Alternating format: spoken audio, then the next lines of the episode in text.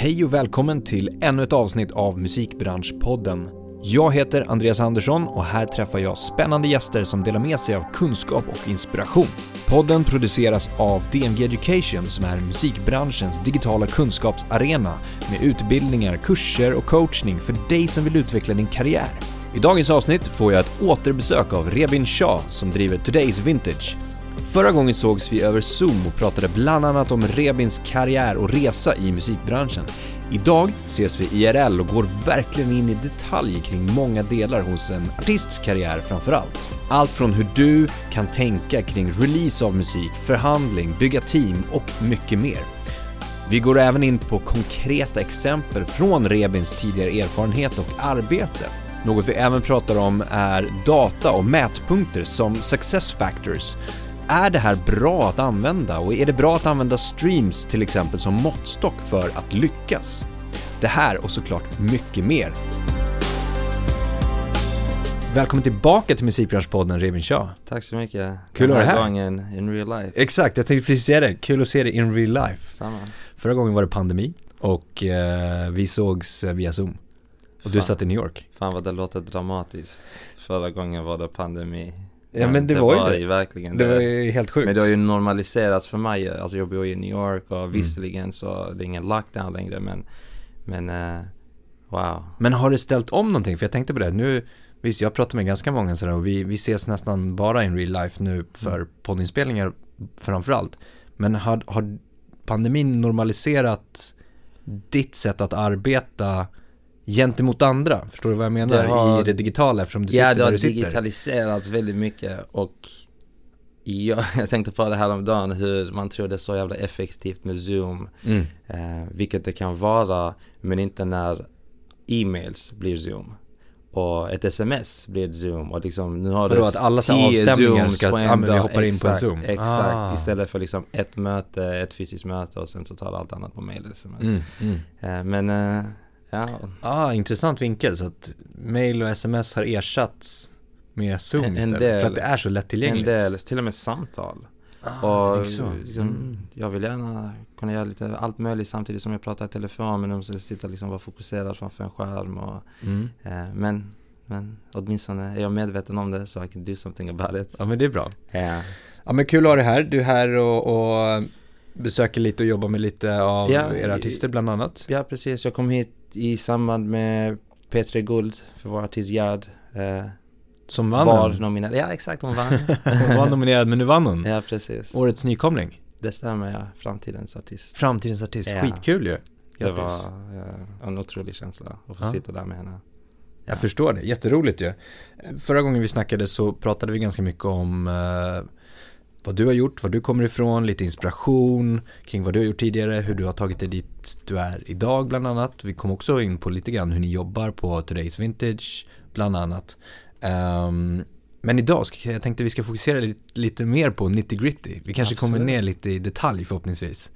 Uh, och vi pratar kanske lite mer strategier, vi ska prata artistsläpp och lite sådana saker. Men uh, Lite kortfattat då, vad har hänt sen senast då? Eh, du, när, när vi pratade då, då, eh, jag kommer inte exakt ihåg hur länge sedan det är, men det, det är ett tag sedan, det var ju pandemin som sagt. Ja. Uh, men du är ju liksom artist själv i grund och botten ja, också. Alltså en, ja, en hel jävla del har hänt. jag blev pappa sen dess, jag tror inte jag var det då. Ah, nej det var du nog inte. Nej, 11 månader nu. Grattis. Så tror, tack så mycket. Pappa nu, uh, blivit, uh, jobbar med ännu fler otroliga kreatörer.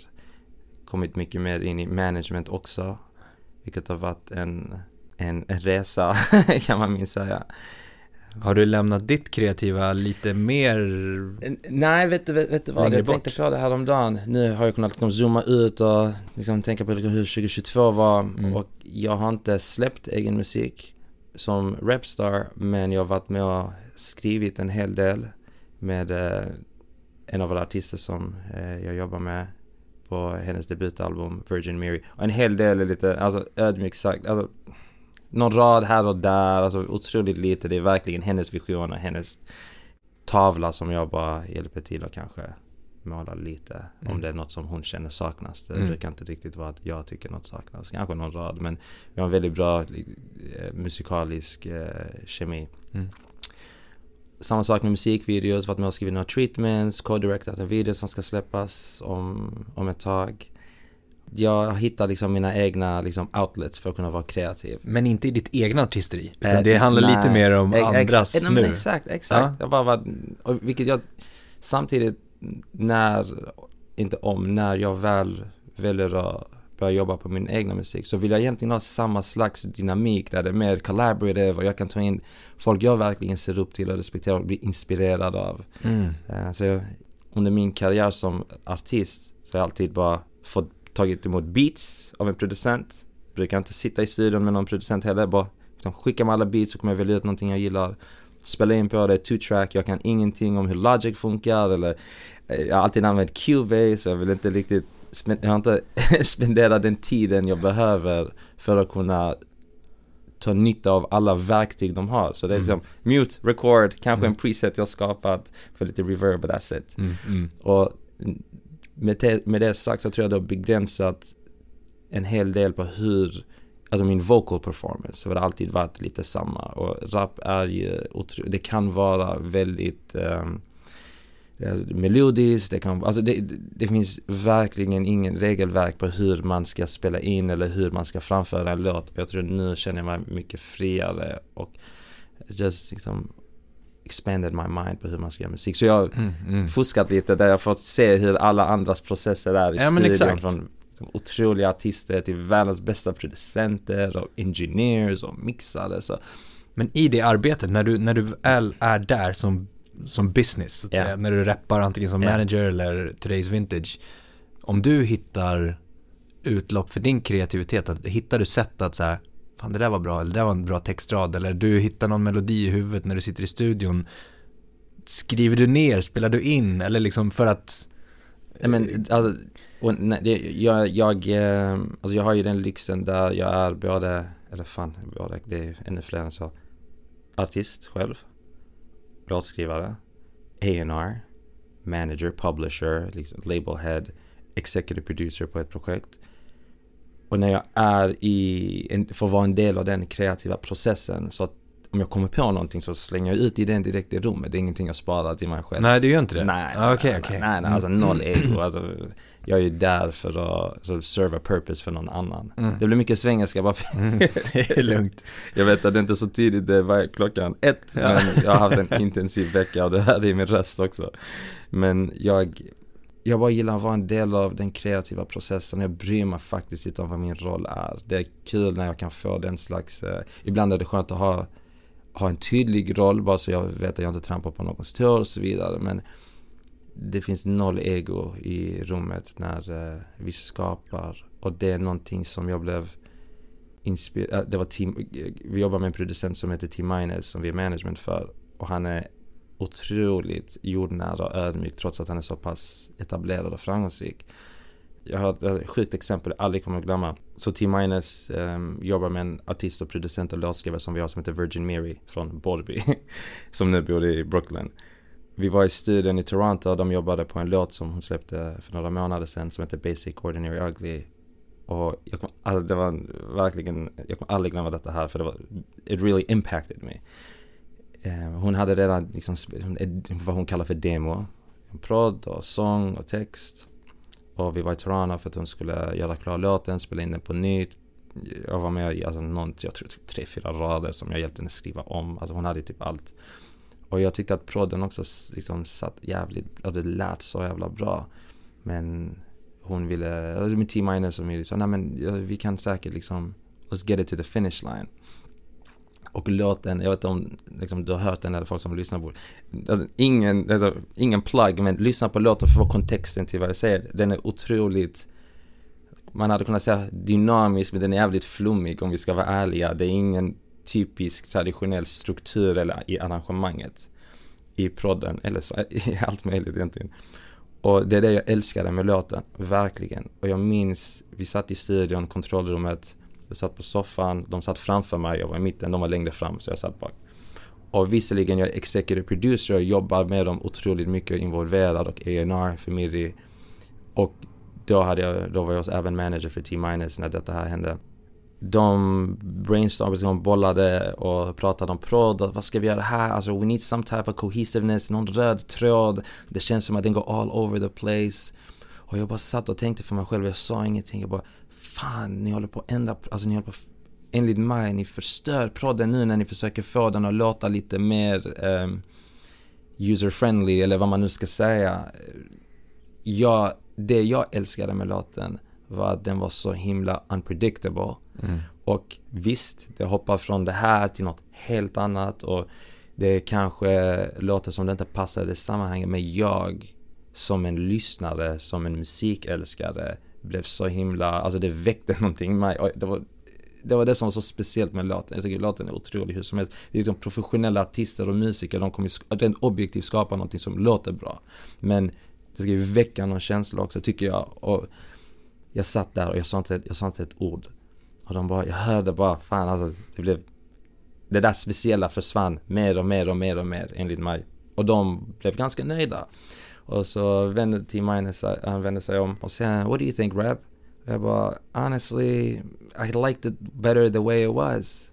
Och han, eh, han bara, men vad är det du gillade med den? Jag bara, ja, men jag gillar liksom det här, det här och liksom, jag började komma igång lite. Jag bara, alltså, Fan, jag, liksom, det var någonting speciellt i det. Han bara, mm, I don't hear it but okay let's try it. Okej, okay, så testade han bara, du det här? Jag bara, ja men också det här om du ligger tillbaka detta och midi. Okej, okay, men tycker du inte denna delen blir lite för? Jag bara, ja men det är det som gör det så jävla speciellt. Alltså du är en speciell artist, varför skulle du vilja? Mm. Och ähm, det slutade med att de gick tillbaka till originalarrangemanget, la till lite grejer. Men den, om ni lyssnar på låten liksom efter det här äh, avsnittet så kommer ni märka hur flummig den är. Och jag älskade det och det jag tog till mig var T-Minus som är en av världens främst bästa, mest etablerade producenter med 107 platinaskivor endast i USA vände sig om och frågade en liksom non-producer vad han tycker och när jag kommer med feedback och en kommentar så säger han alright, låt oss prova. Mm. Och det inte bara med mig, han gör samma sak när man har en polare i rummet, han är öppen för idéer, som vet han vilken information han ska tillämpa. Men han är verkligen som, det är noll ego, allt handlar om låten.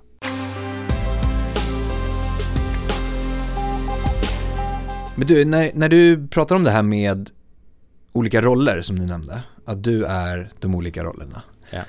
Um, och att det är skönt att ha liksom det definierat ganska tydligt när du går in i vilken roll.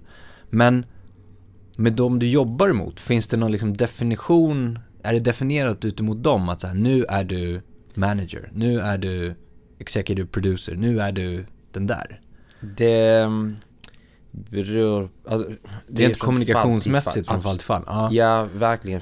Businessmässigt självklart liksom. Management eller om vi har ett skivkontrakt eller ett publishingavtal. Då är det väldigt tydligt vad vi har för slags eh, affärssamarbete. Mm. Sen så behöver olika, alltså när jag säger artist så syftar jag också på låtskrivarproducenterna. Ja, precis. Men alla, alltså, alla artister behöver olika grejer. Mm. Det finns vissa som inte behöver mig som A&R mm. Sen finns det vissa som välkomnar det. Sen finns det vissa som vill ha en hel del creative marketing. Och man får bara känna av. Alltså det ska kännas, det måste vara ömsesidigt också. Det, jag vill ju aldrig pusha på en idé som någon, en artist kanske inte liksom vill göra eller vill ha. Och, och samtidigt, jag är inte rädd för att jag är väldigt ärlig om vad jag tycker. Mm. Men de vi jobbar med, alltså rent objektivt, gör alltså bra musik. Mm. Och sen subjektivt så är det kanske en smaksak om jag gillar låten. Sen är det en annan sak, alltså, eller jag eller de kanske, ibland, väldigt ofta är det en låt som de inte gillar som de gjort, som jag älskar. Um, och annat fall kan vara att det kanske bara inte är rätt låt idag. Mm. Rollerna, alltså de, ja, de, de är lite mer som, eh, vad är det, du vet när man är liksom ute och bovlar och kanske man tar med sig någon som inte är jättebra så tar man upp de där stödväggarna. Ja, ja. det är kanske lite så känner jag. Att de, de finns där och förhoppningsvis hjälper det lite men ja. någonstans eh, det är väldigt, eh, alltså det är en roll som utvecklas och ändras väldigt, alltså väldigt, väldigt ofta. Mm. Din dynamik i det liksom. Ja men exakt så. Din roll eh som pappa då? Har den förändrat ja, din roll i businessaspekten? Ja, ja, verkligen. Alltså, för jag vet för... själv liksom, när jag, jag blev pappa för tre år sedan ja. uh, och, och, alla sa till mig att du kommer inte ha någon tid. Du, liksom, du behöver prioritera det där. Men jag upplever att jag blivit ännu mer effektiv. För att jag vet hur jag ska prioritera den tiden jag schemalägger till exempel. Exakt så. Hur känner du? Exakt så är det för mig. Jag värderar tid mycket mer nu också. Exakt. Um, och samtidigt, så först och främst är den absolut viktigaste rollen jag någonsin kommer ha, att vara pappa, för mig. Men uh, en sak jag också insett är att tidigare har jag låtit en dålig jobbdag motsvara en dålig dag. Mm. Alltså, om någonting skiter sig, det finns ingen som kan change my mood, jag mår skit. På grund av vad som hände rent professionellt. Nu har jag perspektiv, nu har jag insett att, vet du vad? Det är helt okej okay att detta här har hänt. För att det finns något viktigare för mig. Alltså det absolut viktigaste för mig är att vara pappa. Mm. Och vara med min son. Um, inte att jag slutat bry mig, men jag slutar bry mig om liksom det oviktiga. Ja, ja. men skitsaker som exakt, dyker upp. skitsaker. Och vet du vad? Alltså, vet du vad min roll är egentligen i musikindustrin? Eller för de jag jobbar med. Det var någon som sa det igår. De sa det är en brandman. Alltså I put out fires, det är vad jag gör. Och, yep. och sen så har jag liksom världens lyx att jag samtidigt får vara kreativ. Mm. Det är mm. inte många som kan vara det. Eller, eller får den möjligheten att vara det i, i, liksom, i min position. Men det tar ju också otroligt mycket tid. Mm. Men att vara, att vara pappa har gett mig mycket perspektiv också hur man ska hantera situationer. Och många, om jag inte förklarar detta här, kommer tolka det som jag menar, ja men du har ett barn och du måste kunna förstå liksom olika, liksom, inte att jag behandlar de andra som barn utan jag har sett hur, bara för att min son skriker eller gråter eller jag har inte riktigt förstått vad han vill, för han är 11 månader. Jag minns i början, jag märkte att det finns ingen poäng att jag ska bli frustrerad. Mm. Och jag har fått en, eh, jag tror jag hanterar stress mycket bättre nu yeah. pappa. Vänta bara ett och ett halvt år till när det kommer till tre år. Då, då kommer du lära dig att hantera stress. Can't I wait. swear. Nej men jag håller med dig helt och hållet just det här med perspektiv. Att så här, vad är viktigt för mig? Alltså de här små skitsakerna som man kanske stressade upp sig för innan. Sätter man i perspektiv på att vad är det som verkligen är viktigt? Behöver jag lägga energi på det här? Eller kommer det blåsa över? Eller kommer jag lösa det? Att man litar liksom på sin egna kanske kompetens och kunskap. Att så här, stressa upp sig över de här små sakerna. Att hoppas det går bra. Att förlita sig på att jag kan det här. Exakt, och jag har märkt även med min alltså vi är ju vuxna barn, det är det vi inte mm. riktigt inser. Mm. När han är hungrig så blir han kinkig. Mm. Samma sak, när jag, är hang, jag blir hangry, alltså det är mm. liksom, när han är trött så kan han inte liksom Man märker, eller jag har märkt, fan jag är inte, alltså Jag är kanske äldre än dig men jag har så mycket jag kan lära mig av du Alltså person och det vackraste han kanske gråter och det känns som the, the end of the world men tio sekunder senare it's all good. Yep. Och det är det jag försöker påminna mig själv. Det perspektivet är så, så härligt alltså. Mm. Ska vi gå tillbaka då lite grann till uh, musiken? Mm. Musikbranschbiten i det hela. Vi kan väl börja praktiskt prata lite grann sådär hur det fungerar, hur du tänker, hur ni jobbar. Um, och om vi börjar i änden kring ny talang. Att ni scoutar, ni hittar någonting nytt. Eller du hittar någonting nytt, eller någonting som är intressant. Hur tänker ni här, eller hur tänker du här? När ni letar aktivt eller letar passivt och någonting kommer slängt mot dig? Finns det någon slags tratt att så här, nu behöver vi checka av de här delarna hos den här artisten om det skulle stämma överens med att vi vill börja kontakta den och sen kanske inleda ett samarbete? Ja, så det är roligt för att jag aldrig aktivt letat efter att signa någon. Och jag känner att oh, I'm gonna curse myself här nu och det kommer vara en jinx men varje gång jag säger till mig själv vi kommer inte signa någon alltså fler för att vi har så här mycket redan att göra och låta, så, så är det någon som bara chockar mig och jag blir helt liksom förälskad i musiken och tänker fan men låt oss ta in fler liksom, i teamet som kan hjälpa oss för att jag jag, alltså vi allihopa brinner verkligen för liksom, det vi gör och vilka de vi jobbar med. Eh, så det är alltid passivt. eller organiskt. Mm. Aldrig någon agenda om att liksom, nu behöver vi hitta någon att signa. Men när vi väl hittar någon som vi, eller när de hittar oss brukar mm, det väldigt mm. ofta vara.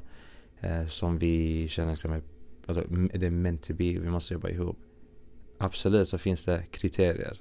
Och nummer ett kriterie är, är detta någon som jag vill jobba med? Är det, för att Personkemimässigt? Exakt, exakt, exakt. Och vad, vad deras värderingar är. Och det är ju jättesvårt att liksom få veta det så tidigt i um, en relation eller dialog. Men man känner ändå av, alltså min, jag går mycket på energi och, och magkänsla, alltså mina instincts har hittills i alla fall inte svikit mig och när, även när saker har gått snett så har jag alltid känt typ, mm, någonting kanske inte känns riktigt bra här men jag har ignorerat det och ändå kört. Så någonstans måste man kunna lita på sig själv.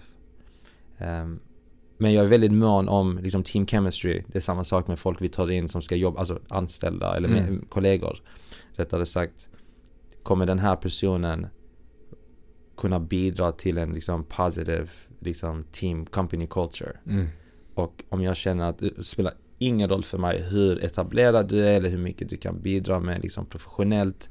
Om det inte känns bra så kommer vi inte jobba med dig. Nej. Det är samma sak med artisterna. Om vi går vidare sen i processen då, säg att du, du fattar intresse eller liksom känner att så här, men det här är någonting att jobba vidare på och artisten mm. eller kreatören i det här fallet eh, känner samma sak. Hur ser processen ut där? Börjar ni med liksom att, ja men kom vi tar ett möte, vi börjar prata, vad pratar man om då? För det, är, det är ofta så här, när jag, när jag träffar personer här så är det ofta så här, ja men vi tar en day, vi, liksom, vi känner varandra på, känner lite varandra sådär hur, hur det känns, vi tar någon middag, vi träffas lite, fikar lite, pratar lite, men såhär, vad pratar man om? Så fort som möjligt så vill jag prata med dem, mm. först och främst. Om det är jag som hittar någon, alltså jag skriver till dem direkt. Eller om de skriver till oss och jag hör någonting och, och vi alla är en del av eh, lyssningsprocessen. Mm. Men det är inte riktigt så, alltså om jag, om, om min kollega Hanna hör någonting eller Sara säger shit detta här så vi måste jobba med den här artisten så jag litar ju på deras öron också. Det är inte som att de behöver mitt liksom, liksom green light för att få igenom det. Det är mer att vi gillar att liksom brainstorma och bolla internt och se liksom, vad kan vi bidra till. Mm. Eh, men så fort som möjligt så vill vi prata med artisten och ställa massor med frågor. För jag vill liksom komma in i deras värld och förstå vad är det ni vill skapa? Mm. Och hur vill ni förmedla det rent kreativt? Och vad är era, alltså det handlar inte om planer. Jag bryr mig inte om planer för plans change. Utan vad är din vision som artist? Mm. Och sen därifrån baserat på deras svar, då vet jag okej okay, men det här är någonting vi hade kunnat bidra med. Men det är aldrig en, um, för jag tycker inte att det ska vara någon pitch överhuvudtaget. Och det är så himla intressant för jag har sett det från olika håll nu. Alltså vi signar ju folk och sen så finns det folk som vill signa eller samarbeta med oss, med de som vi har. Och i höstas så var jag med om en hel del, alltså en otrolig resa med ett band som vi jobbar med som heter New West på Management.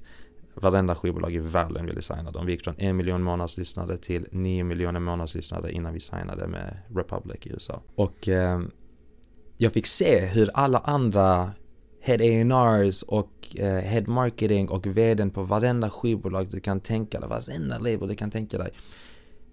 Vad det är som de tänder på. Mm. Och så märkte jag att de som verkligen har de, jag skiter i de största artisterna, de viktigaste artisterna i musik.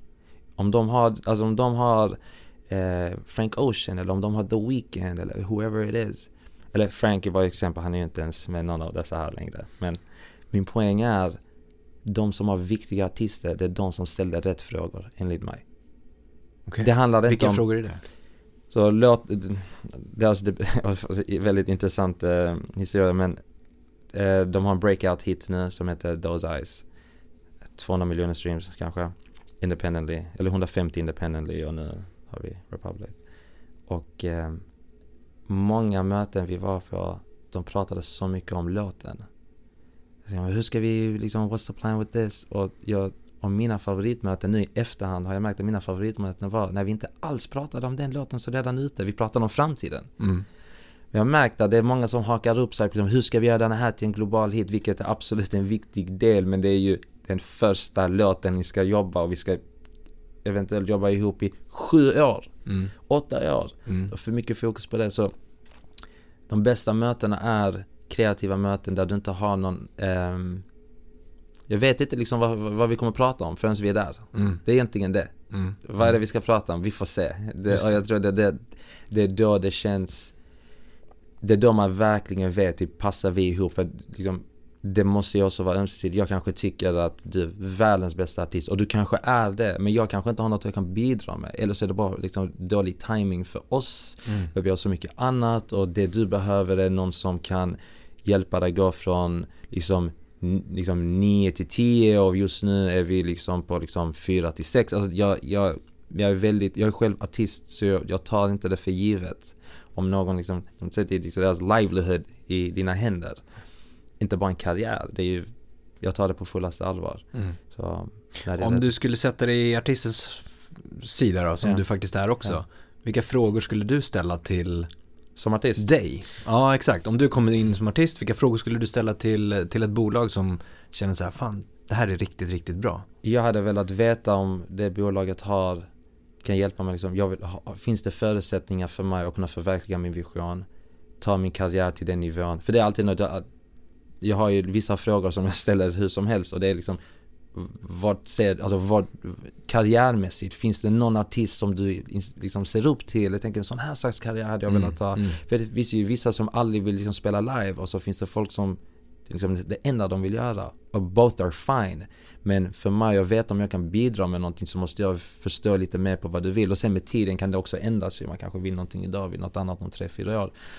Jag är likadan. Men som artist så tycker jag det är viktigt att det, var, det hände på något möte där uh, vi skojade om att vi ska in på det här mötet nu med det här skivbolaget som ville signa New West. Och så ska vi bara hitta på en låtsastitel och bara säga So did you listen to the music we sent you? Eller har du lyssnat på vår katalog som är ute? För det finns 30-40 låtar ute. Och sen bara make something up och bara säga well, did, what do you think had this one? This is my favorite song. Och bara för att se om de säger oh yeah that's a great song. Mm, Eller om de mm. säger I've never heard of it.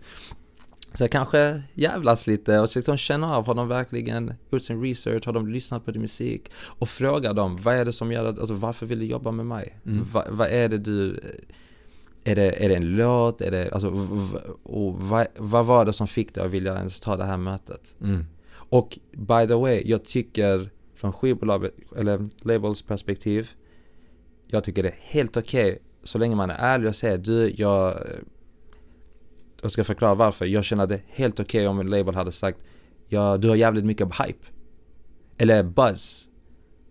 För att åtminstone så är det ett, det är liksom, man ska vara transparent. Och två, jag personligen, det är inte riktigt min filosofi, men jag kan förstå det. Jag personligen, alltså det finns så många artister där ute som har otroliga karriärer och är så framgångsrika. Jag fattar inte deras musik. Och det är inte liksom min favorit, liksom artist. Men jag är inte den enda som jobbar på bolaget och jag tror på musik. Även om det inte är något jag kanske älskar. Jag vet att det finns andra som kanske älskar den här artisten eller den här låten. Och jag tror på folket jag jobbar med. Mm, mm. Och om de brinner för en artist så pass mycket som när jag brinner för en artist. Och de säger Rev, detta här, alltså han eller hon eller de, de, de är speciella. I trust them. Och jag ger dem lika mycket support så som det hade varit en artist som jag själv hade liksom hämtat ja. till resten av teamet. Jag ja. tror det är viktigt att ha den slags eh, tilliten. Och som sagt, jag hade varit jätteärlig och sagt, alltså I personally didn't get it eller don't get it as much men får mig att förstå för att jag ser hur alla andra och jag vill förstå. Mm. Och även om jag, jag kanske också fel. Det var en journalist, eh, jag ska inte säga vem, men det var en journalist som skrev till mig nyligen som by the way, han är, han är otrolig och jag har full respekt för honom. Och han var så jävla ärlig och jag älskade det. Jag hade skickat någonting till honom och jag skickar inte musik så ofta till folk men jag ville bara liksom heads up. Han sa skit liksom, skit, han kommer veta exakt. men han sa liksom snygg R och otroligt liksom bra, välproducerat och allt. Alltså om jag ska vara ärlig liksom, jag blir inte berörd av artisten. Och med all, kära, liksom, med all uh, kärlek och respekt så insåg jag men han är inte heller rätt målgrupp för den artisten. Nej. Och, men jag gillade att han var, han var ärlig. Mm. Jag tycker det är otroligt viktigt att vara alltså, transparent i hur man jobbar. Mm. Och speciellt när det gäller musik som är så personligt. Ja, det är okej okay att vi känner olika. Mm. Precis. artistens sida, artisten mm. som kommer och frågar någonting. Säg att jag är artist, uh, vi har tagit ett möte, vi har liksom så här, Signa med snack. mig. Ja, Sign signa med bara. Vi kör. Du har inte ens hört mina låtar. Jag litar på dig, vi kör. No audition. Du litar på min vision. Men uh, om jag kommer och säger så här då, vad kan ni göra för mig som jag inte kan göra själv? Ödmjukt sagt, tycker jag, alltså fan det låter, det är så jävla osvenskt men det är sanningen och jag känner att man ska liksom I'm just gonna embrace it. Jag tycker att jag är en av världens bästa A&Rs. Och eh, har jag inte bevisat det hittills så I don't know what else you need to see. Men liksom, från hiphop till pop till alternative, alltså, whatever you want to see. Liksom, bara kolla på vår roster, mm. vilka vi jobbar med. För även de vi jobbar med på management eller, alltså, det spelar ingen roll. Vi är otroligt involverade i kreativa processen, hur som helst. Och det är därför folk vill signa med oss, för att vi kommer från, alltså jag har ju en bakgrund som artist. Jag, jag, jag förstår det språket du ja. pratar. Ja. Och jag kan sätta mig i dina skor. Så om du vill ha ett team där vi ett, litar på artistens vision och två, är bäst på det vi gör. Alltså jag vet inte riktigt vad mer du behöver. Det är väldigt alltså, och som sagt, jag brukar inte ens pitcha mig själv till någon. Det är folk som hör av sig till oss. Eller så kommer det, det var samma sak med Team Minus när han ville ha management. Han behöver ingen, alltså by the way, han hade inte en manager i sju år. Han har bevisat att han behöver ingen manager. Han fick ändå Middle Child med J. Cole och The London med Travis Scott och Young Thug och Cole och Startender med A-Boogie och dessa låtar typ en miljard streams, 600 miljoner streams, 800 miljoner streams på egen hand. Ingen manager alls. Och vi klickade, bara pratade om allt, om, liksom, om livet och musik och min vision för liksom vad, hur, vad han kan ta sitt, alltså eh, alltså sin karriär och absolut han är en otrolig producent men han är otroligt underskattad också för jag har varit i studion med honom och jag visste ju inte det för det var första gången jag var i studion med honom när jag jobbade med Virgin Mary. Jag tänkte oh my god. Du, alltså jag har ju varit med väldigt, väldigt, väldigt bra producenter och så satt jag där med, med Tim Mines och tänkte du är ju fan så mycket bättre än alla de här som är topp tre. Enligt mig in my professional opinion. Men det är ingen som ser det för att du är så low key och du har inte liksom delat med dig av din process med någon. Det var bara mycket jag märkte, fan alltså you gotta showcase your talents och liksom artist, låtskrivare, producent, journalist, whoever you are, you're a storyteller. Och få fram hans story på ett sätt som är impactful. Så min poäng är vill, varför du ska signa med oss för att vi, vi, vi signar endast, vi jobbar endast med folk vi 100% tror på. Mm.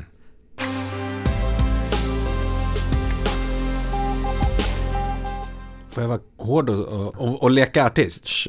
Så här, jag ska signa där idag innan jag går härifrån. Ska Men om du är bästa i Naren och du, du tror på mig, det är fler som gör. Ja. Jag, har haft, jag har varit på möte, nu, nu är jag artist nu och spelar. Jag har, jag har varit på möte med alla majorbolagen. Varenda bolag som finns borde du träffa innan du fattar ett beslut. Och de, de säger samma sak. De är, de är sjukt imponerade av vad jag har jag skapar buzz. ja, och de säger att de är de bästa ja. A&R'sen. Kolla på deras How? roster då. Vem har de signat? Vem jobbar de med? Personligen, inte att Fan, jag, vill, alltså jag gillar alla som jobbar för alla dessa bolag. Men kolla på rostern. Mm. Är det ett, ett majorbolag, de har ju jättemånga artister men den här, du signar till en person by the way, du signar inte till ett företag.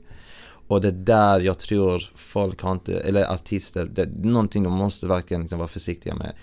Och det finns så många otroliga personer i industrin som jag hade signat till om jag själv var artist.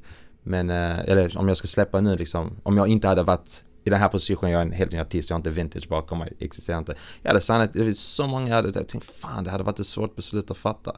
Men, kolla på rostern och, och By the way, Virgin Mary och Gerd, två popartister. Vi hade ingen popartist på Vintage när de signade med oss och de kollade inte ens på rostern. De bara ville jobba med, med, med mig för jag hade inte ens resten av teamet då.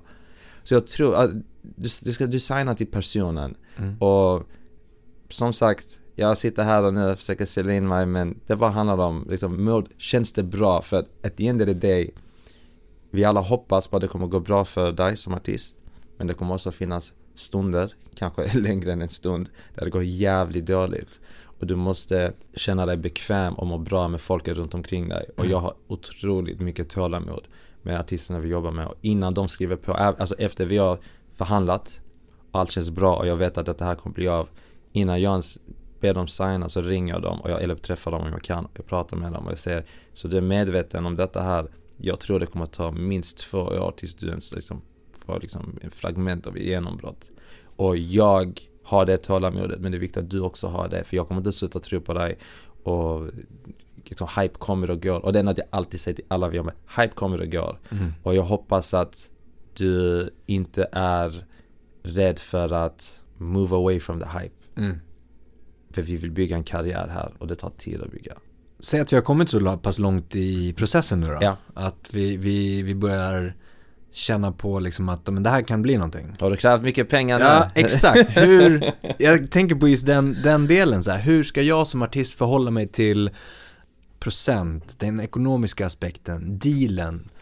Bör jag presentera någonting? Bör jag komma med någonting och säga så här, uh, jag kräver det här. Ja. Eller jag tycker att jag är värd det här. Eller ska man Absolut. lämna över och säga, nej, nej, vad nej, har ni att komma med? Så, inte till min fördel, men bästa tipset jag kan ge, låt de andra erbjuda någonting först. För du kanske, för då vet du, och du kan alltid förhandla upp. Men det är väldigt, eller förlåt, du kan varken förhandla upp men det är väldigt svårt att göra det om du redan har sagt jag vill ha 200 000 och de bara ah vi var beredda på att göra 400 000. Mm. Så låt dem komma med ett erbjudande också, alltså, absolut, du ska ju aldrig, de måste ju komma med ett erbjudande om de vill signa dig. Mm. Eller jobba med dig. Um, samtidigt, alltså, alla våra deals är 50-50. Jag menar, så kan som artist, alltså det är licens, det är 50-50 på, netto, på vinsten, inte på royaltyn. Så so, so we're in it with you. Det är otroligt transparent och liksom det som, och det är därför jag tror så mycket på en artistvision. För att vi, och, och jag vill att de ska också tro på vår vision för att jag tjänar inga pengar om inte du tjänar pengar. Mm. Och det är, we're in the mud together. När det gäller pengar, du måste ju, alltså det handlar inte om ditt värde. Det är också någonting folk måste förstå. Jag, jag har ju betalat, jag har ju alltså overpaid två gånger och gått med på villkor som jag aldrig hade gått med på om inte det var för att jag visste att det här kommer att vara värt det liksom. Alltså med en artist? Alltså ja, typ, utifrån... Eh, eh, nej men exakt, vi har signat en artist eller, och signat, en ah, annan okay. signat en mm. producent. Det, alltså, det, det, går inte att motivera varför du borde få detta här idag. Men jag mm. tror på det så jävla mycket att jag kommer gå med på det. För jag visste att det kommer aldrig bli av annars. Och de var sjukt orimliga. Men jag visste att det kommer vara värt det. Alltså, det, ibland måste man bara liksom lita på sin magkänsla. Mm. Jag var på lunch med, med en advokat igår som var advokaten för ena producenten som vi överbetalade för. Och han sa också det, han sa att ni betalade lite för mycket för det här. Jag bara, jag vet att jag gjorde det, men jag visste att det kommer att vara värt det. Har det resulterat i? Nästan. Nästan, det tar snart tid, som sagt. Det Plus minus noll snart. snart. Finns det någonting mer som du tycker artister eh, bör fråga innan man kommer till liksom en avtalsskrivning så att säga? Innan man liksom har formulerat någon sån. Nu har vi pratat om vision, vi har pratat om splittar, vi har pratat om liksom varför jag ska signa med dig. Finns det någonting mer man bör liksom Så beroende på var, ja absolut, det beror lite på var man är i sin karriär. Om du har lite momentum och du kanske är någorlunda, eller börjar etablera dig så tycker jag det är viktigt att fråga eh, bolaget och fråga dig själv också.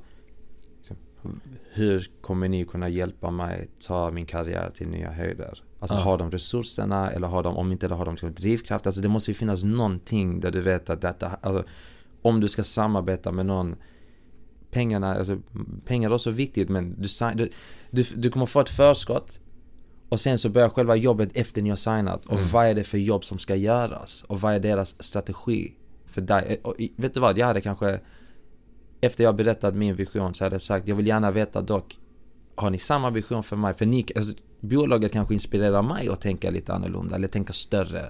Och jag hade gärna velat veta vad, hur de ser mig som artist. Mm. Ni jobbar ju med superetablerade producenter. Yeah. Och up and coming artister. Yeah. Jag tänker arbetssättet där måste ju skilja sig ganska mycket i vad det är som faktiskt ska göras.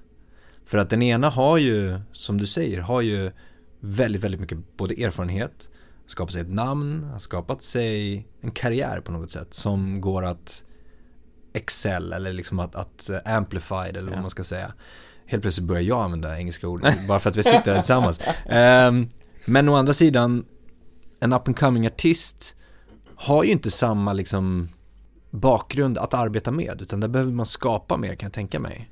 Ja, jag ser dock paralleller i det för att hur som helst så vill vi ju, som du sa, amplify oavsett om det är en up and coming artist eller en etablerad, alltså New West har 11 miljoner månadslyssnare.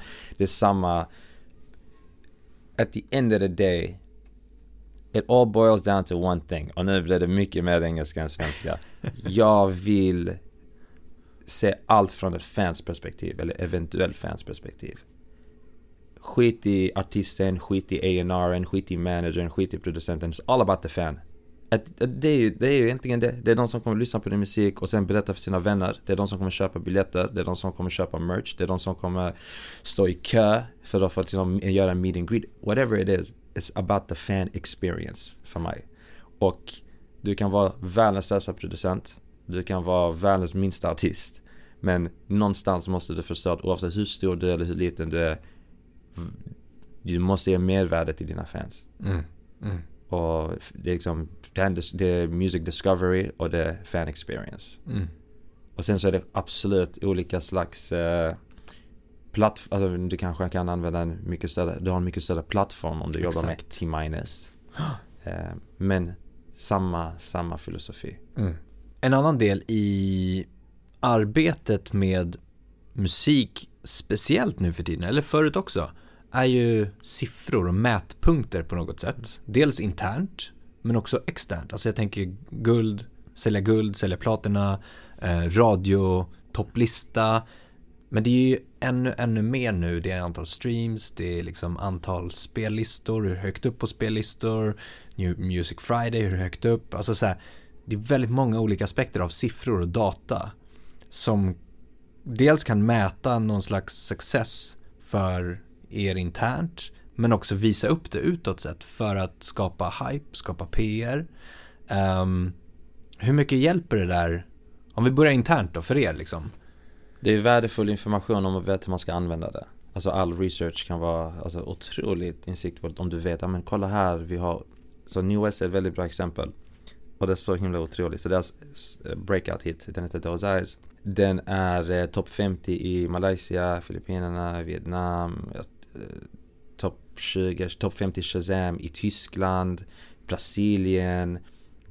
Den har verkligen fått otroligt mycket momentum organiskt i liksom Southeast Asia och vissa andra liksom, världsdelar. USA kom lite efter, de är från Kanada visserligen men USA kom lite efter, nu är USA den största marknaden. Men det är bra för oss att veta, för när vi pratar med bokningsagenten som vi har okej, okay, fan vi borde tänka, vilka festivaler finns det? För det, mm. alla får ju inte ta del, alltså visserligen finns det ju verktyg, så, men vi, har, vi sitter på mycket mer data än de gör. Ja. Det är en sak. En annan rolig, intressant grej är att den låten som är nu, eller kommer nu bli Alltså man ser ju det på datan också, det är som bra, man kan predikta en hel del när man väl har tillräckligt mycket med data. Vi ser att den kommer bli en internationell, global hit. Den har hela tiden varit liksom, kommer den hamna på Hot 100 independently? Mm. Och nu med resurserna förhoppningsvis kommer det bli en internationell hit. Men den låten kom ut i maj månad blir det fyra år sedan. Deras mm. första singel, de har släppt 30 låtar sedan dess. Det har tagit nästan fyra år för deras debutsingel att bli en hitlåt. Mm. Men den går att arbeta med fortfarande? Ja, det får det två miljoner streams om dagen. Hur kommer, vad, vad tror du det beror på? Många tror det är ett fenomen, många tror det är TikTok. Mm. Den är faktiskt större på Instagram Reels än TikTok, så det är absolut inte det heller. Men det är tidlös musik. Det är inte, man följer inte en trend. Samtidigt handlar det om att fortsätta släppa ny musik. Hålla liksom, bygga en karriär och en foundation och bygga en fanbase. Mm. Och sen så kommer fansen själva välja liksom, liksom, de ska vifta flaggan. Det är den här mm. låten du måste höra och säga till sina vänner och någon annan och någon annan. Det, det kan inte man riktigt, alltså det kan man, man kan ju hoppas om man är kanske bra i norr så kanske man vet det men den här tror jag många kommer liksom väcka känslor ibland men at the end of the day det är inte vi som styr och det är inte spellistorna som styr och det är inte radio som styr. Alltså, det är ingen som kan styra vilken låt som blir en hit. Du kan mm. lägga krut bakom det och ge det liksom en ärlig chans. Men jag tycker det är som sagt tillbaka till tålamod och tid. Jag sa det till någon för några månader sedan. Jag sa Gerds debutsingel Lies for a Liar. Jag sa det kommer bli en hit med tiden. Och så jag minns att någon sa, ja men det har ändå gått ett år, nu har det inte så mycket som hänt. Alright, kolla New West. Det är nästan fyra år sedan den kom ut. Mm. Nu är den, den är en hit. Och vi mm. snackar inte om liksom en... Alltså 200, att det är, alltså världsstjärnor får inte ens ibland 200 miljoner streams på deras låtar. Det är otroligt mycket. Och det är en gammal låt. Och det är en låt de gjorde helt på egen hand. Det, det är ingen liksom... Eh, genial marketingplan bakom den. Absolut, du måste veta hur du ska marknadsföra musiken. Men när du har tillgång till data så kan du se dessa slags liksom, musiklyssnare verkar gilla den här låten och låt oss komma på, liksom, ska vi ha en spelning här eller låt oss skapa lite content. Alltså, jag tror också det är väldigt viktigt att vara medveten om att man aldrig vill att låten ska aldrig få bli större än artisten. Då samtidigt som du jobbar för att skapa en superhit mm. måste du fortsätta jobba som artist och ditt team måste jobba på att liksom, bygga en fanbase och det kan vara otroligt tidskrävande att göra båda samtidigt och det är där det kan vara bra att ha um, ett större bolag eller större team som har infrastruktur. Mm. Så att jag slipper liksom, jag behöver inte sitta och tänka men hur fan ska vi nu få den här låten på radio i Malaysia utan Universal sköter den delen. Mm. Och så koordinerar vi med dem och så, liksom, så har vi ett samtal men det, det behöv, desto större man blir, desto fler behöver man mm, sig. Mm. Men det där är intressant det här med fyra år gammal singel, första singeln. Bandet själva, hur, hur uppfattar de det? Hur känner de kring det? För att de, oftast som kreatör så kan man ju tänka sig att man vill släppa nästa, nästa, nu har jag skrivit yeah. ny låt. Och att det är den som ska bli hitten, den ska bli hitten. Men i det här fallet då så har de släppt massa, vad sa du, 30, yeah, 30 okay, låtar efter? Exakt, okej okay, men jag ska dela och, och liksom med lite att man känner då, Att man känner som kreatör att varför just den? Nu yeah. här har vi skrivit 30 nya, vi är ju liksom i nästa. Är du med på vad jag menar? Ja, jag, jag tror det där är väldigt individuellt ja, hur man exakt. känner. Mm. Men gameplanen har alltid varit att och nu har vi ändrat på det eftersom den här låten tog fart och kom på en ny strategi. Men fram till, liksom, sen nästan fyra år tillbaka fram tills nu i somras. I tre år släppte de en ny låt var femte vecka. Mm. Oavsett hur mycket streams en låt fick, för de liksom märkte liksom det fick mycket residual traffic. Varenda nya låt de släppte gav dem lite av en, alltså inte en jättestor boost, men det fick andra att lyssna på resten av katalogen. Exakt. Så jag tror verkligen på att, och det måste vara kvalitet först och främst. Och consistency. Och då menar jag inte gå in i studion och spela in en ny låt varje vecka och släpp den utan alltså, om du inte har så mycket musik, lägg ner tid på att skapa. Det var, det var någon intervju jag lyssnade med Leo Cohen, där sa liksom pratade om hur vi förväntar oss att folk ska släppa content hela tiden. Och på grund av det så hinner folk inte skapa eh, lika liksom kvalitativ musik och content. Hur som helst, det Leo Cohen kom fram till var att if we expect people to be on all the time they're not gonna have the chance to be occasionally brilliant. Mm. Och jag föredrar det såklart. Skillnaden med New West i detta fallet är att de skapar eh, alltså de det är väldigt enkelt för dem att skapa. Alltså de har 300-400 låtar. Men de är väldigt måna om vad som släpps. Mm. Så som sagt objektivt, allt låter jävligt bra. Men mm. är det rätt för artisten och är det rätt för liksom, liksom nu idag? Borde Exakt. det släppas eller ska den släppas om ett år? Eller borde vi inte släppa den alls? Så, någonstans måste man hitta den balansen. Men kontinuerligt släpp ny musik. Det är det vi ska göra med Virgin Mary. Vi kommer släppa en ny singel med en musikvideo. Åtta singlar tillsammans med musikvideos innan debutalbumet kommer ut. Mm. Bara för att bygga den här världen och släppa, alltså bjuda in folk om hon har den här liksom en fucked up Disney World hon har byggt i sin, i sin mind. Jag vill att folk ska komma in hit och de ser det finns inte bara en liksom fun rollercoaster ride utan det finns detta och detta och detta och detta. Köp en biljett, kom hit och så stannar du mycket längre än du trodde för du mm. vill vara kvar här.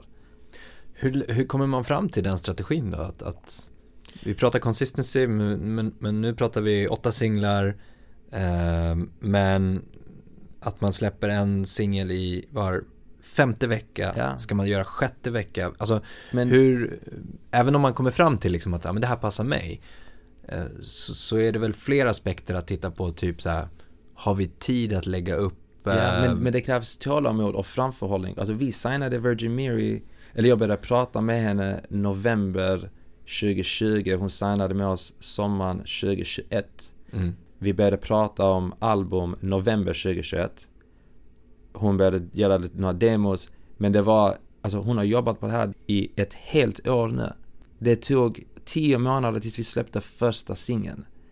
Så vi har liksom skapat mycket musik och vi har haft tålamod för vi tror så mycket på det här. Man måste tänka långsiktigt. Mm. Visst, du kan göra en låt idag och du kan släppa den och kanske du borde, det beror på liksom din strategi. Men vi valde att fortsätta skapa. Mm. Skivan är inte ens klar. Jag hoppas på att det ska bli klart till sommaren, alltså kommer till höst. Liksom, vi, vi har inte jättemycket framförhållning. Men jag vet att vi har det vi behöver för att kunna köra enligt denna planen. Just det. Och sen, things change. Alltså, Mike Tyson sa, vad var det han sa? Everyone has a plan until, until they get punched, punched in, the, face. face. Det är lite så. Det var samma med New West. Var femte vecka sen så tog denna fart och typ oh shit, låt oss, mm. vad kan vi göra nu? Mm, mm. Eh, så, och, ja. men det, jag köper det precis, precis som du säger där med planen liksom att, att det, det, kan förändras beroende på omständigheter, omvärlden, ja. eh, hur publiken tar emot det kanske också. Man men, kan men, ändra. Exakt, men du säger det där, förlåt jag avbryter men då, man måste vara reactive. Exakt. Det är det det handlar om. Och vissa skivbolag, stora skivbolag är så jävla bra på det. Mm. Sen finns det vissa som inte har riktigt fattat det än. Utan håller sig till planen och exakt, tragglar ändå. Exakt, och är sega. Mm. Och jag vet inte riktigt hur folk eh, jobbar i USA, eh, förlåt i Sverige så jag kan bara prata om USA. No disrespect mot någon här, utan det är bara liksom inspiration förhoppningsvis. Men jag var på, jag, jag ska ge henne jättemycket props. Rainy Hancock på Columbia, hon är head A&R på Columbia Records i USA jobbat med Britney Spears. Hon har jobbat med superstjärnor, jobbat med Lil Nas X, allt möjliga. Hon sa, för vi hade ett möte om en av våra artister. Och by the way, ett av, liksom, ett av de bästa mötena jag haft. Verkligen all fokus på musiken. Och hon bara ställde frågor till artisten, ingenting om liksom, vad är marketingplan, ingenting, bara liksom musik. Hur som helst så sa hon, och jag tror inte det var en del av någon pitch utan bara delade med sig. De har sms-grupper med deras artister kanske finns en mailtråd för lite mer liksom omfattande saker men so we text our artists all the time with ideas we have a text group and liksom you might get a text message at 3 a.m. or you might get one at 6 a.m. and we'll just throw out ideas and you can say don't like this or this sounds good liksom de, de är alltså on the ground. De har mm. fattat den här grejen. Jag vet att Ron Perry är otroligt han tänker, eh, alltså han fattar hur saker och ting funkar. Mm, mm. Och jag, jag, jag blev väldigt, för vi är samma sak. Och jag blev väldigt eh, inspirerad att höra att ett, ett av världens största bolag gör samma. Har samma inställning trots att de har så många artister och så många anställda. Verkligen. De har sin, eh, liksom, trupp. Om vi vänder på det här, vi snackade om mätpunkter och data för internt bruk. Liksom. Ja. Om man tänker sig utåt sett då? Ja. Att visa upp till exempel antal streams i PR-sammanhang för att skapa hype eller sålt platina, sålt guld, vad det kan vara. Vad betyder det för att skapa någonting? Så hype kommer och går, jag tror inte man kan riktigt Kanske funkar, det kan få folks uppmärksamhet, absolut. Jag la upp en story, eh, liksom, eh, topp 50 guy nu idag och en annan story om att Jads låt var liksom 18 mest spelade låten på P3 förra året.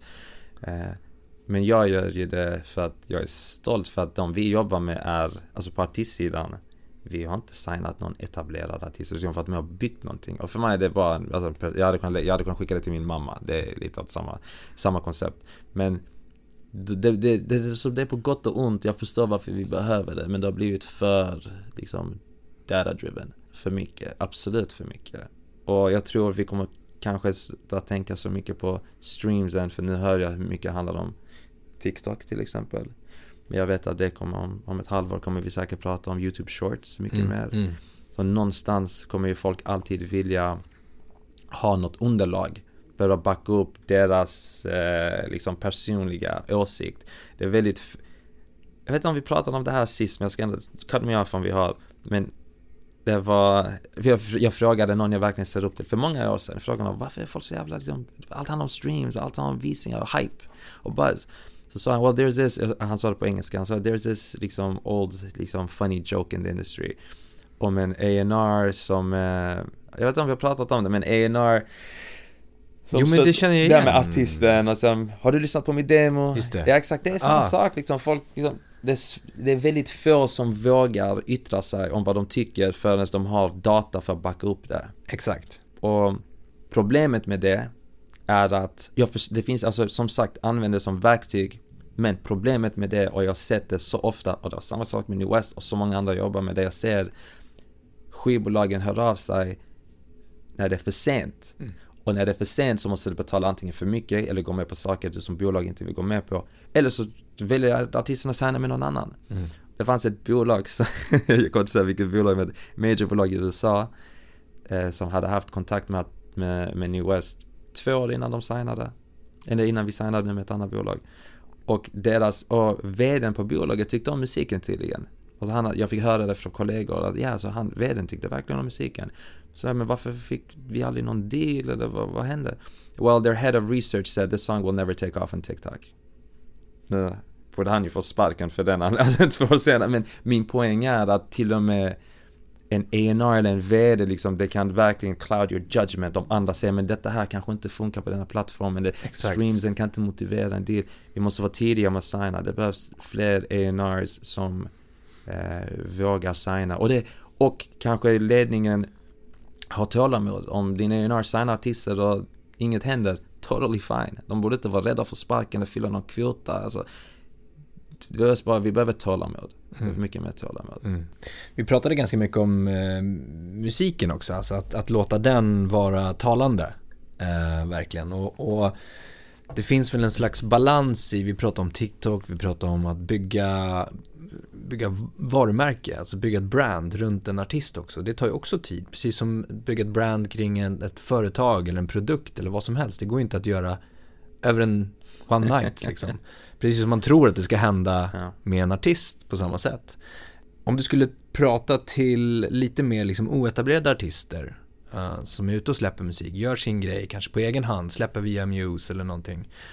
Um, fokusera på musiken versus bygga brand, bygga varumärke, bygga närvaro på sociala medier. Och på scen.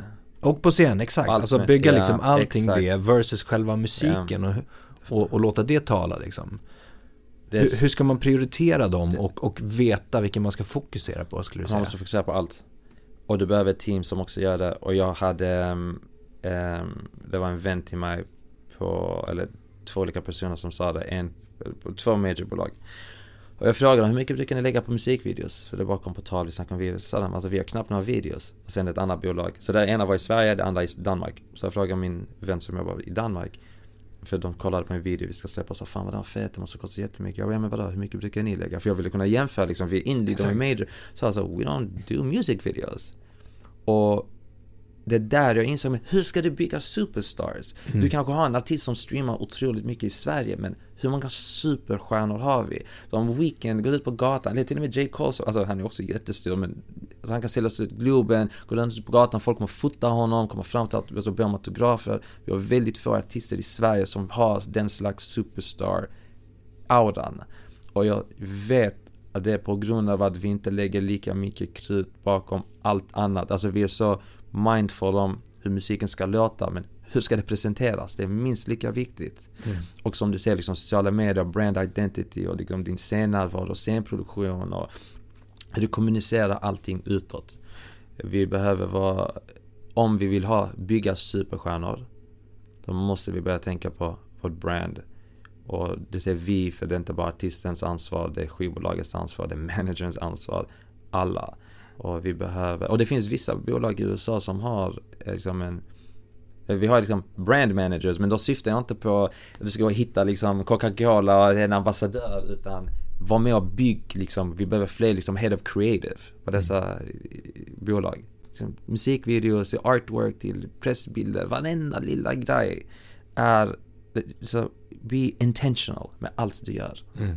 Samma sak med, även om det inte är superstjärnor som ska byggas, utan en independent artist till exempel. Exakt. Jag träffar väldigt, väldigt många up and coming artist som fokuserar på att få ut sin låt på streamingsajter och sen är frågan hur ska jag få de här på spellistor? Men samtidigt så fokuserar man ingenting på sociala medier. Man mm. kanske har 100 följare, lagt ut två inlägg för fyra år sedan. Men man fokuserar bara på att få ut ja. musiken och där, hur... Men, men du har helt rätt, för att samtidigt, du sa det med spellistor, men fokusera på rätt spellistor, liksom. Vad artistens, var finns artistens eventuella fans? Mm. Och Gerd har en väldigt liten fanbase, för det är så tidigt i hennes karriär. Men hon har ju, alltså de är ju hardcore fans. Mm. Men kommer de från hennes kanaler, egna kanaler? En eller kommer de från... Alltså för hon får ju inte... Äh, hittills har hon inte fått mycket playlist support. För Nej. att liksom, hon är ganska oetablerad och hennes musik kanske inte passar till vissa liksom, spellistordsformat. Men du måste ju hitta andra kreativa sätt. Alltså, jag har ingen TikTok-kanal. Jag tycker att hon borde ha det, att hon kommer börja med det för hon vill det själv men mm. Liksom okej okay, det funkar inte för dig, detta är inte din grej. Var kan vi hitta dina lyssnare? Mm. Och YouTube har varit en otrolig plattform för henne till exempel och självklart liksom Spotify för att hon spelas på radio och folk shazammar och samma sak med Apple Music. Jag känner att man ska speciellt om du har internationella ambitioner, kanske inte superstar ambitioner eller de förutsättningarna. Det handlar om att bara see the bigger picture. Och tänk på alla möjliga aspekter från merch. Jag hade hellre velat ha 100 hardcore fans än att vara på en spellista där jag får 10 000 streams och kanske bara två som verkligen bryr sig om min musik. Exakt. Det är viktigt mm. och jag tror gör man det på rätt sätt, det kommer ta lång tid om man gör det på rätt sätt. Men J. Cole till exempel, en artist som släpper musik ganska sällan. Spelar ingen roll när han släpper. Folk kommer ändå köpa hans skiva. Den kommer ändå bli number one. Han kan sälja slut Globen och Madison Square Garden och så vidare. De går ut med en turné innan han har släppt sin skiva. För att han har en fanbase som är dedikerad. Mm. Och det är det vi måste sträva mot. För alla skor, artister i skivbolaget, till och med liksom alla DSPs. För då vet du när den artisten släpper musik så kommer du få liksom dessa här liksom subscribers. Och det, det finns fans are the real currency. Det är där pengarna finns. Mm. Och om vi nu snackar om liksom, branschpodden. Det är det vi borde fokusera på. Skapa en bättre fan experience. Grymt. Du, jag tycker att vi får avsluta ja. vårt snack för idag. Det var ett superkul att ha det här. Tack för att eh, Jättetrevligt att snacka som alltid. Vi får väl ta en catch-up igen då om ett par år eller vad det nu blir. Det gör vi. Tack för att jag fick vara här. Jättestort tack för att du har lyssnat på podden idag. Det uppskattas verkligen. Kom ihåg att följa, stjärnmarkera, gilla, dela, kommentera för att hjälpa till att sprida kunskapen i musikbranschen. Vi vill också jättegärna höra från dig. Vilka utmaningar står du inför? Vad tycker du är svårt? Vad tycker du är lätt? Vad vill du höra? Vad vill du veta? Vad vill du lära dig? Hör av dig till oss på info at dmgeducation.se. Tack för idag och ha en fortsatt härlig dag.